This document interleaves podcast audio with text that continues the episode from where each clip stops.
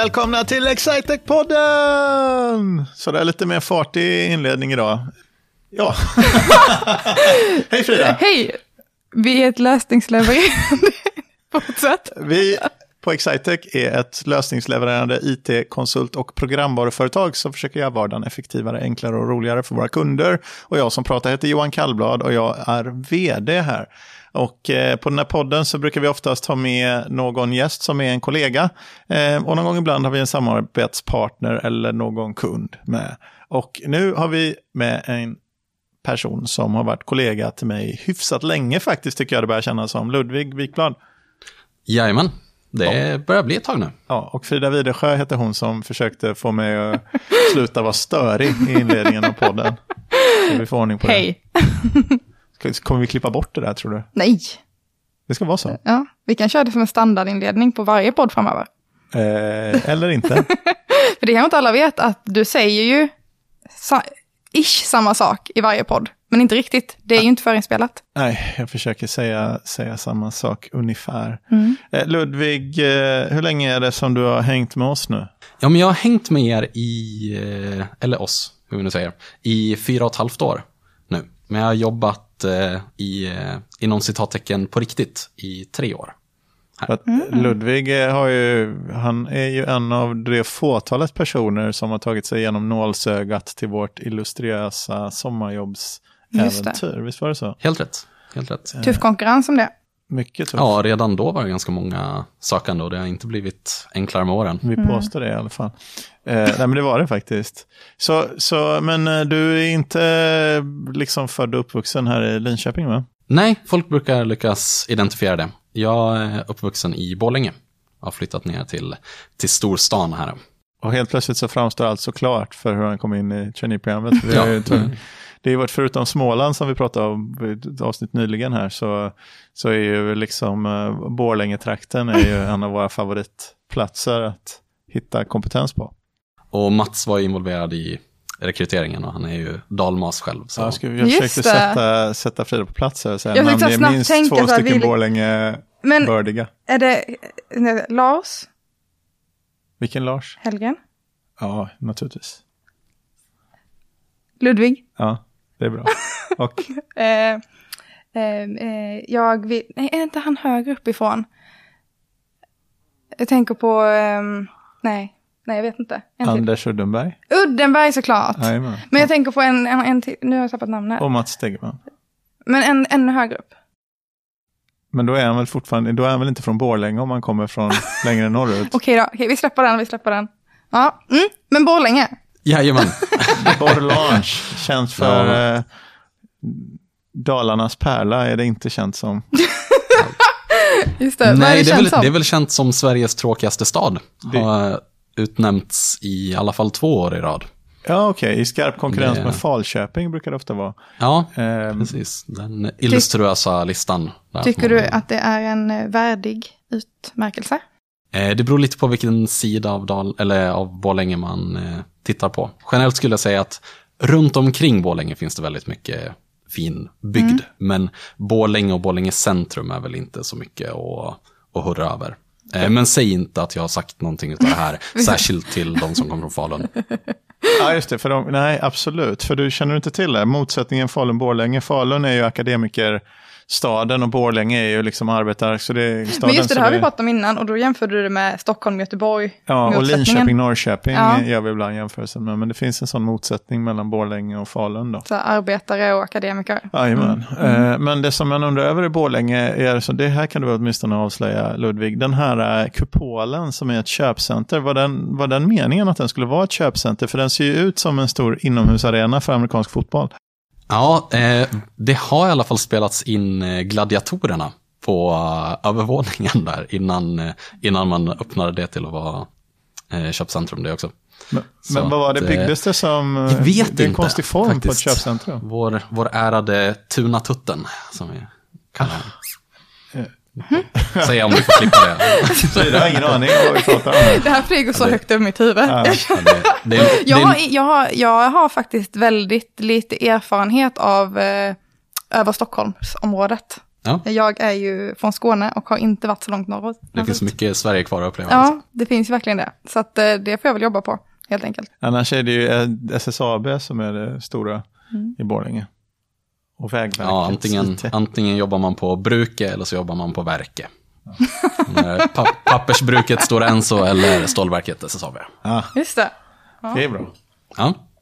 Eh, Men, det du, gör inte tyckte, jag. du Jag associerade det med istället. amerikansk fotboll? Nej, ja, jag gjorde det, men det var inomhusarenan där. Men egentligen inte, för jag tänkte på eh, också Borlänge, annars är det ju musiken faktiskt. Ja, Som lite kärv arbetar, arbetarstad sådär. Eh, Mando Diao, till exempel va? Jajamän. Och, och vad har vi mer? Miss Li, Miss Li, Jaha. supercool. sommarpratare i år. Ja, jag hörde det. Super, hon är, är rätt så tuff faktiskt. Men det är ändå bra eh, artistnamn, får man säga. Ja. Det var Och- mer än vad vi hade från Solkryd, Solkeryd, som var med i Ja, en tidigare podd. PH. PH. Ja, just det. Nu ska vi ju inte säga något om Lena PH, för det är också en musikskatt eh, vi har. Så att eh, vi, vi lämnar Solkeryd där. Ja, det var bra. Just det, men du hamnade på Excitec i Linköping. Ja, precis. Jag flyttade ner hit för att plugga industriell ekonomi på LiU. Och sen, eh, sen blev jag kvar här. Just det. Det är många som Så. pluggat industriell ekonomi som... eh, Ja, det är en ganska, jag tror att Excitec är ganska populära bland, bland IR. Vi har ett ganska starkt varumärke där. Det är bra. Ja, För att ja, ni det är duktiga. Så att det är bra att vi... Ja, men visst är vi. Det- Ja, jag tycker helt opartiskt. Så, så både- jag naturligtvis att eh, Bo- vi Både. Excitec och IR är ju ganska bra. Absolut. Det är bra match.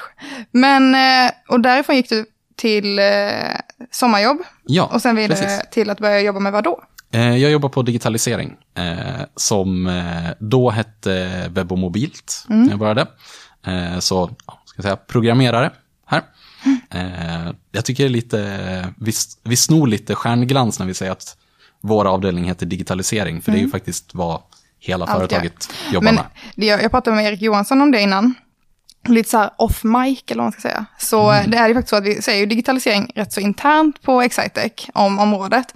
Men på webben så säger vi ju att vi, det är applikationsutveckling och integrationer. Ja, för tydlighetens skull. För det är ju faktiskt det som ert leveransområde jobbar med. Ja, Så att, eh, ja, det är lite lurig, lurigt leveransområde. ja sådär. precis. Mm. precis. Och jag har jobbat både, både en del med integrationer och med applikationsutveckling. Just det. Vad jobbar du till störst del med? Eh, st- till största del jobbar jag med eh, en eh, stor kund till oss som heter Övarvet. Som jag levererat en ganska stor, ja, snabbt taget en projekthanteringsapplikation. Vad spännande. Mm, det skoj. Hur länge har ni jobbat med den applikationen? Eh, Jag har jobbat nästintill heltid med den applikationen i snart två år. nu. Så det är ett, eh, ett ovanligt långt och stadigt åtagande för att vara ett, ett uppdrag på Excitec och digitalisering. Just det, för den, det är ju en Visma Business-kund också. Ja, eh, precis. Är det några mer system de har och, eh? De har Medius också. De har lite beslutsstöd i form av Power BI. Mm. De har ett antal integrationer till några andra system som vi inte har levererat. Just det. Säkert någonting mer. De en, det är en stor eh, Mm. IT-miljö. Men eh, eh, kan du berätta lite om Övarvet som, som kund? För de som eventuellt inte vet vad de gör för någonting. Ja, det är ett båtsvarv. Så de i huvudsak så reparerar och underhåller de stora båtar i allt från liksom, ja, personliga båtar till eh, ja, men färjor och fartyg. Så det är ganska komplexa projekt som ofta kan löpa under väldigt lång tid. De har allt från väldigt stora beställare som liksom, ja, men, marinen till eh, ja, men, privatpersoner som vill fixa sin båt. Så att deras prishantering är ganska komplex den också för att kunna hantera liksom, olika rabatter på olika sorters varor på olika nivåer och sådär.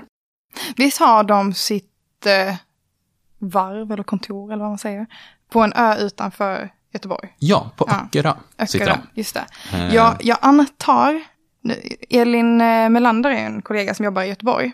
Jag, jag, jag tror, och det borde vara eh, den här kunden vi pratar om, som hon har jobbat med.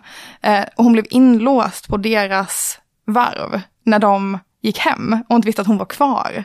Så att hon höll på att missa hela julfesten Oj, i december. dramatiskt. Dramatiskt. Ja. Så att de fick åka tillbaka till henne och släppa ut henne då. Så att eh, det, vi får eh, faktchecka detta Så, med henne i någon så annan podd. dedikerade är, är Excitex konsulter ibland Ja. när de eh, sitter Ja, och, och jobbar kvar på så sent. Och så, och så lite plats och störmoment. att man inte ens märker det. Men, Ja. men vad heter det, de har faktiskt flera varv. De har även ett i Karlskrona och de har, ja, de har några stycken. De är, det är ett sånt bolag som du inte har hört talas om, förutom av det där skälet Frida, och som är mycket större än vad du tror. Eh, för de, de har flera stycken varv, de ansvarar för Volvo Penta som är ett motormärke för, det, för deras, jag tror hela reservdelsförsörjningen i Sverige via en massa återförsäljare och de har flera olika brands. Så det är ett sånt eh, bolag som är, som, eh, är, är betydligt större, mer omfattande verksamhet. Ja, och, Och som- inom koncernen så har de ju otroligt många bolag som gör lite allt möjligt. De har fastighetsbolag och de hyr ut personliga tränare till företag lokalt och sådär. Men det som är väldigt roligt med dem tycker jag är att de har ett väldigt lokalt engagemang. De brinner verkligen för att göra, liksom, möjliggöra eh, näringslivet på Öckerö. Eh, Så att de har, nu har de gjort en stor satsning på ett kompetenscentrum så att de ska kunna liksom dela, dela och hyra ut lokaler och kompetens med lokalt näringsliv på, på Det var Öckerö. kul. Det är ju det är väldigt lokalt. Det är liksom inte ens Göteborgsregionen lokalt utan Öckerö lokalt. Ja. Och det, det, är det kan inte vara jättemånga som satsar på Öckerö liksom inom näringslivet. Nej, det är väl inte någon liksom, hotspot. Nej. Så. Men det kan bli. det, ja, och det är väldigt mysigt. Det är nästan Manhattan. Eh, ja, kan, eh, det tar nog en stund då. De är även väldigt engagerade inom hockeyn där. Han är deras, eh, vet han, Örjan heter han va, som är Ja. vd där. Han är ju i styrelsen för Frölunda har jag för mig. Mm. Frölunda, de är loka- engagerade lokalt i hockeyn. De har fått oss att gå in och vara lite engagerade i den lokala hockeyn på Öckerö faktiskt. För de har mycket ungdomsverksamhet och, och, och så har de haft den svårigheten med att få in spel. Det är ett begränsat spelarunderlag. Och ibland kan ekonomi vara ett hinder i, i socker just att ta till sig. Och, och även om du har folk som kommer från en annan kulturell bakgrund och så. Då, så då har de haft stora, för de kan inte tappa bort några spelare bara för att deras föräldrar kommer från liksom, Syrien eller från någon, någon helt annan plats. Eh, utan de måste jobba med allt spelarmaterial som finns. Eh, så att de har, har eh, varit med och sponsrat mycket och så, så du kan bli hjälpt. Och det har faktiskt, de har faktiskt fått fram en del duktiga hockeyspelare. Det är kul. Det är ändå en prestation när det är så. Och Öckerö som flyttar vidare då till andra platser naturligtvis. Men, eh, men de har väldigt starkt engagemang i det lokala communityn på många olika plan där faktiskt. Så det, det är rätt spännande Bra. tycker jag. Bra jobbat vår kund. Fint företag, en kund som vi är stolta över att ha jobbat med väldigt Verkligen. länge. Så shout-out till Övarvet. Absolut. Kul, men så det är ett projekt som du har jobbat länge med och tycker är roligt att jobba med då antar jag. Ja, verkligen. Det, är- det är kul för att det är så, så pass stort och brett. Mm. Så får jag jobba med väldigt många olika saker och i ett projekt där det finns ska man säga, utrymme att göra saker liksom, ordentligt från början. För Mm. att vi vet att vi ska förvalta det här länge och vi har en kund som är medveten om värdet i det. Mm. Så att det är väldigt roligt att få liksom göra lite mer tekniska djupdykningar och kanske göra, eh, om man fokuserar på prestanda i ställen där många av våra mindre kunder inte kommer upp i den dataanvändning där det kanske spelar stor roll eller ger så mycket värde.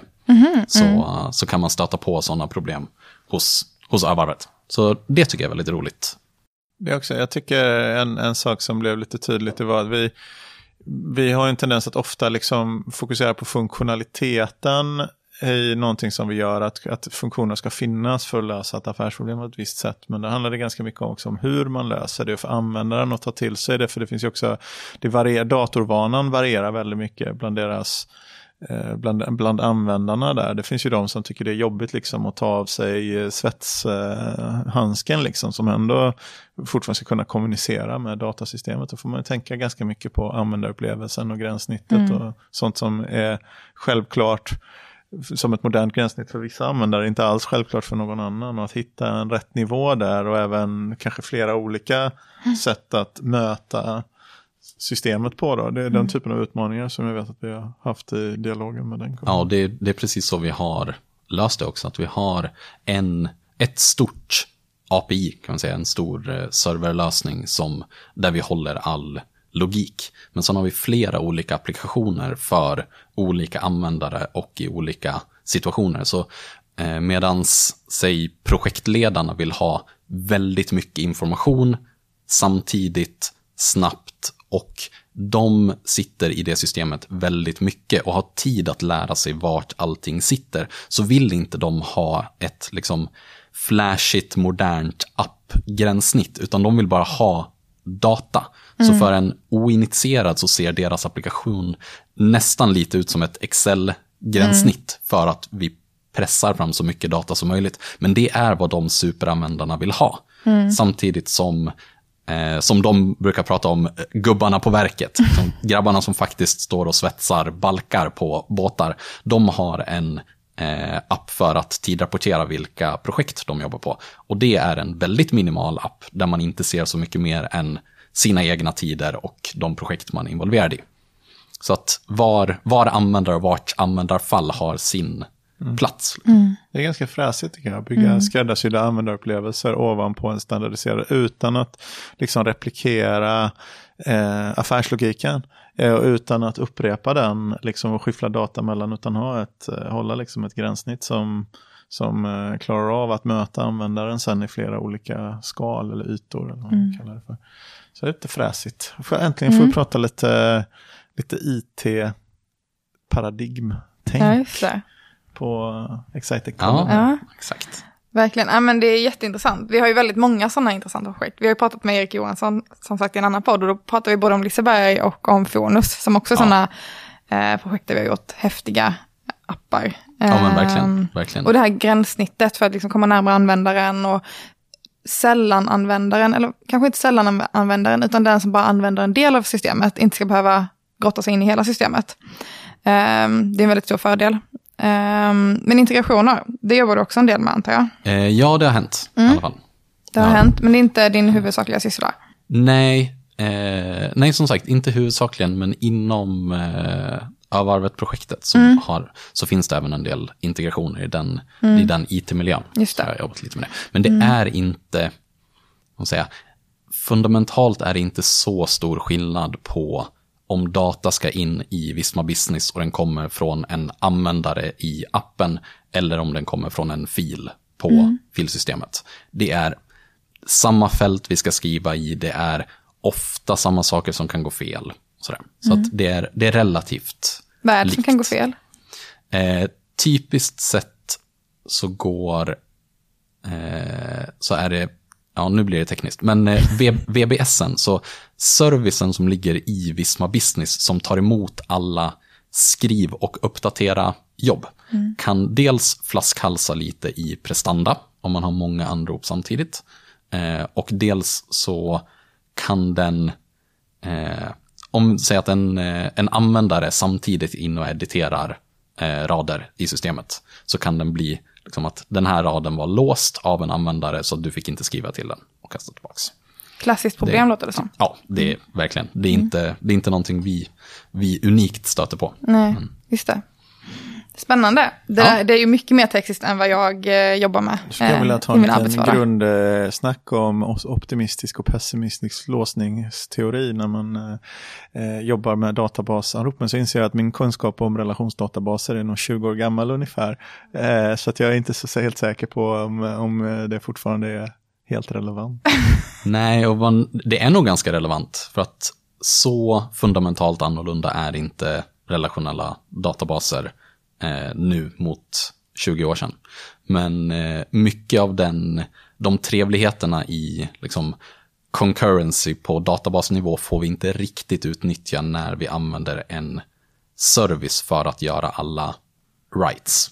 Det är väl så, så att vi så överhuvudtaget lägger, det är väl det som händer de senaste 20 åren och, och liksom som började även tidigare, det är att man lägger för mycket liksom rappers, för mycket grejer runt om. Så en del av kontrollerna, du brukar kunna vara inne och pilla liksom på, på exakt hur ska vi eh, ska vi göra i det här anropet? Vad exakt är det? Vad är det vi låser? Vad är det vi inte låser? Gå in och tuna och sånt där. Samma med regelverk för, för eh, indexering och sånt där som sköts ganska automatiskt nu då det ligger lager. Men det är lite som skillnaden på en, på en Apple-dator och en PC förr Ja, i det. tiden. Nu har de ju mött varandra. Apple-datorerna blir mer, lite mer komplexa, PCerna blir lite enklare. Så de har ju mötts nästan någonstans. Men det brukade vara så att det ena var till för de som ville kunna gå in och liksom sätta pekare på olika värden. Och det andra var, eh, var mycket mer paketerat för en användare som inte behövde veta var exakt i filsystemet ligger min fil och så. Så, men det är väl, eh, så man får inte pilla lika mycket på grejer som man oftast bara pillar sönder. Men som någon gång ibland är, är härliga att få pilla på som utvecklare. Så fort jag gör någonting i kod, det går Och alltid sönder. Då är ändå Visma Business ganska tillåtande eftersom vi får direkt tillgång till databasen under Visma Business. Så anledningen till att vi gör de flesta skrivningar via den här tjänsten är för att kunna utnyttja den logik som redan finns i att här, fylla i värden på eh, underliggande rader och lite sådär. Men vi får, vi, vi kan skjuta in data direkt med SQL och det, det händer att det är nödvändigt. Eh, men det, Det får vi ta off mic. ja, Ja. exakt. Vi, Just det. vi försöker undvika det. Va, vad heter när, Ludvig, när du inte gör, eller ska vi hoppa på, eh, just det, nu gör vi en liten övergång här. Ja. Eh, det är ju så här att eh, människor som jobbar på Excitec har ju emellanåt andra sysselsättningar och intressen än att bara utföra arbetsuppgifter. Och eh, ett ställe i vilket man kan få berätta om något som eh, man är intresserad av, det är ju på Excitec-podden under avsnittet Någon berättar om något. Eh, det var okej va? Det, det var en bra övergång. Ja. Så då, eh, Ludvig, har du funderat på något om något? Ja, men jag har funderat Någon. lite. Ja, ja. och eh, jag tänkte prata lite om glöggbryggning. Oh. Det, tänk, det tänkte jag chansa på att ingen av er har. eh, Äntligen, men det är faktiskt eh, andra gången på typ tre avsnitt som, eh, som eh, alkoholhaltig dryck är i fokus i Excitec-podden. Och då flikar jag alltid in med, och det kan man ju också dricka alkoholfritt. Jajamän. Jajamän. Eh, jag vet inte hur man brygger alkoholfri glögg, men eh, jag kollade dock upp eh, och det är lagligt att göra. Innan jag bestämde mig för att prata om det här. Kan, berätta mer. Ja. Ja. Berätta mer Ludvig. Eh, så här är jag och tre vänner till mig, eh, två vänner, förlåt, vi är tre totalt, eh, har i kanske fem år nu bryggt en omgång glögg varje höst. Och det började med ett ganska enkelt recept där man utgår från svagdricka och en massa julkryddor, socker och russin. Och sen låter man det här stå i en hink i tre veckor och sen har man glögg. Och det här, för att vara så otroligt enkelt, så blir det väldigt, väldigt gott. Eh, och det är lite kul att göra någonting. Det är lite kul att göra någonting själv där det är liksom, man sätter igång det här och sen får liksom, Men får jag fråga, har du någon gäst i det här? Då, eh, ja, ja. vinjäst har vi. Det är sant. Men Annars kan det bli lite funky, tror jag. Om man ska spontanjäsa det. Svagdricka. Ja. Eh, köper man det i vanlig affär? Ja, Det är liksom, det det är- är, en typ en brun läsk va? Ja, det är som en, ett, någon väldigt söt, Tänk lätt äcklig öl. Jo, jag, jag, jag har stött på det här tror jag någon gång på någon jul. Och det, är det typ samma känsla som julmust, men det är inte julmust. Ja, men jag säger att du skulle skum. typ grogga på julmust och porter, då skulle du kanske Mm. få svagdricka. Tillsätta lite socker. Eh, men i år tänkte vi levela upp lite och göra vår egen vört och grunda på. Eh, och det är första steget när man brygger öl. Så vi även den här gruppen har bryggt lite öl. Tänkte att vi kan Mhm. kombinera våra, våra kunskaper från olika håll här då. Hur gör man då? Jo, då lättast så har man en gäng malt, så olika typer av säd, i en eh, påse. Och sen sänker man ner den i en stor, stor kastrull. Och sen värmer man upp det här till cirka 70 grader. Och så får det stå så i en timme.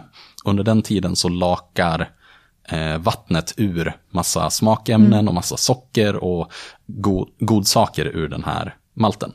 Sen lyfter man ur den. Sous vide då på det här. Ja, men precis. Vi, vi 70 så grader. vidare. Men, men man får inte vakuumförpacka först. För då blir det jättetråkigt. Ja. Då Om kommer man det har- ingen smak ut. Nej, precis. Men lägger man du bara, bara värmt upp i det här löst i vatten då? Eh, vi, vi du brukar använda påse? metoden brew in bag. Mm. Eh, så då har man som en enorm tyg eh, tepåse, Ja. kan man säga. Som Ja, typ när man gör sylt. samma Eh, typ av påse. Ja, Ja, och så lyfter som- man ur det här. Och nu är då planen, vi ska göra det här på lördag, så vi vet inte om det här, hur, hur bra det kommer bli. Det kommer såklart bli bra, men vi vet inte hur bra. Eh, men då har man en ganska söt och liksom maltig vätska som vi tänker ha som bas för vår, eh, för vår glögg. Hur blev den söt? Eh, för att det finns en massa socker i, eh, i malten. Och malten är det du fick fram när du kokade sädet. Eh, malt och säd är samma sak. Det Ja, man blandar ihop lite. Så, så att, ja, Mm, så det, det är socker liksom i det naturligt? ja Mycket? precis. Så att det, du- är, det är väl generellt lite komplexare sockerarter vanligtvis i det, men medans, eh, medans det ligger och värms upp Mm. och dras ut av vattnet så, Mhm. så kommer sockret fram. Och det är det som gästen lever Reducerar på. man ner detta på något sätt? Eller har du Eh, hela nej. vätskemängden? Ja. Det gör man inte. Eh, men normalt sett då när man kokar... Det- Jag håller med eh, Det känns ju inte spontant som att det skulle bli supersött Nej. om man tar en massa säd i, eh, i 70-gradigt vatten. Så jag tror när jag ser och det, det kommer nog inte bli så sött att vi skulle kunna klara oss på det för glögg. För Nej. öl går det alldeles utmärkt. För då blir det lagom mycket mat till gästen och sen när den börjar dö ut så har man liksom en öl och då vill man inte ha jättemycket restsötma Mm. som man säger. Men nu för, eh, för glöggen så kommer vi tillsätta en del både socker och russin Mm. för att få lite, lite härlig smak. Och sen kommer det här få stå med, eh, ja, med massa julkryddor och apelsinskal, tänker vi oss, eh, i några veckor. Men vänta där, okej. Hur ser malten ut? Hur ser det ut? Är det liksom en beige, vattnig sörja? Eh, från början ser det ut som att man har köpt stora påsar med havregryn och eh, vetekorn Ja. och grejer. Och sen blir det sörjigt? Och sen häller man det i en påse, låter den ligga i vatten ett tag. När man tar ut den påsen så är vattnet eh, grumligt och lite mörkbrunt om man har haft rostad malt i dem. Det är mörkbrunt, för det, det här det jag vill komma till är hur får glöggen sin färg? Mm, det kommer från att man använder rostad malt. Okej. Mm. Intressant att det ger så mycket färg, för glögg är ju väldigt mörkt. Ja, eh, normalt sett så gör man väl glögg på vin. Om man säger starkvinsglögg, då har man gjort ett vin som man har kryddat upp. En sån här hemmagjord glögg så går man på. Det är de där ljusare glöggen man kan se i affären också. Ja, alla de är inte så Och- mörka Och de, de flesta liksom blossa glögg är ju snarare rödaktig och då Ja. är det ett, ett rödvin i botten. som Just det, så det, ja jag fattar. Gud vad intressant. Det ska bli spännande att se hur det här blir då. upp. Ja, vi får se om det kommer lite provsmakningar till kontoret sen. kanske. Men så, jäser, så det liknar vintillverkning. Du jäser upp det sen som vintillverkning då? Fast inte utan... Ja. Hmm. Och det var lagligt. Ja, det var lagligt. Det var, Det var bra att du kollade upp det innan du sa det i podden, men inte innan ni gjorde det. Jag vill bara ändå säga den distinktionen där. Ja, men så, så, länge, så länge man gör det hemma för eget bruk så, får man, så får man göra jästa alkoholdrycker. All right, så det var ännu ett nytt intresse som vi inte kände till och eh, den andra gången på väldigt kort tid som eh, alkoholhaltiga drycker var i fokus på någon berättar om något. Men eh, som vi brukar säga här på Excitec är att det går lika bra med ett alkoholfritt alternativ. Det är det. Och glögg är ju typ det man lever på hela december, så då är det viktigt att man hittar ett alkoholfritt alternativ. Ja, Så det kan ju vara värt att säga. absolut. Ja. Så vi är på väg in i mörkare tider. Eh, känns det som här. Det börjar bli lite höstigt. Mm. runt om oss. Eh, men en sak man kan göra på hösten är ju att man kan fundera på om man inte vill ha härliga arbetskamrater. Som, Det är typisk höstaktivitet. absolut, som Ludvig Wikblad och någonting som börjar redan i, i vår. Kommer det bli för tajt tror du med schemaläggningen här? Men vi har ju ett kandidatprogram som vi ska dra igång i vår. Va? Konsultprogram, tänker du på? Konsultprogrammet ja. Det är ju, jag har faktiskt hört att det är rätt så fullt. Det kanske är så. Ja. Men eh, då har vi alltid ett traineeprogram 2021. precis. Traineeprogrammet 2021 är ju full fart med eh, rekryteringen. Så där eh, behöver man ju ligga på lite om man vill få sig en plats. Det brukar ju sticka iväg under hösten. Det brukar vara så att man går in på www.excitec.se karriär för att hooka upp med oss och se vilka jobbtillfällen som finns. Men eh, om man eh, känner att eh, det där som övarvet höll på med, det låter ju rackarns vettigt. Att ha egna gränssnitt och skräddarsydda gränssnitt som möter användaren på ett sätt som är anpassat för användaren och inte har utgångspunkt ifrån eh, datasystemet. Då. Sånt där vill jag också ha i min verksamhet. Vad gör man då? Eh, dels så kan man ju gå in på webben och läsa mer om övarvet, för det finns eh, en hel eh, text som beskriver hela deras lösning där. Plus att man då kan passa på att kontakta oss för att prata om sina unika utmaningar på www.excitec.se. Du, som jobbar med marknadsföring här Frida, har vi, har vi någonstans där man kan säga hur hörde du talas om Excitec? Eh, och när man, när man kan säga, för jag undrar så här, när kommer vi, ha, kommer vi, kommer vi liksom få Just någon det, som första- kontaktar oss? För jag hörde på podden, jag lyssnade igenom 30 minuter om glöggtillverkning och om traineeprogram och allt sånt där. Och sen så var det call på action till slutet som sa till mig att jag, jag vill faktiskt... Eh, Det, det hade varit eh, decenniets skräll om det är någon som gör det. jag hörde om er på podden. Just då efter glöggtillverkning så blev jag så sugen på att kontakta er. Absolut. Men hoppet är det sista som överger människan Mm. och Excitec-podden eh, fortsätter sträva vidare med målet att göra vardagen effektivare, enklare och roligare för så många verksamheter som möjligt i vår omgivning. Så jag vill tacka dig Ludvig för att du var med på det här avsnittet och eh, Frida för att du bisat mig så förtjänstfullt även den här gången. Tack så mycket. Tack så mycket.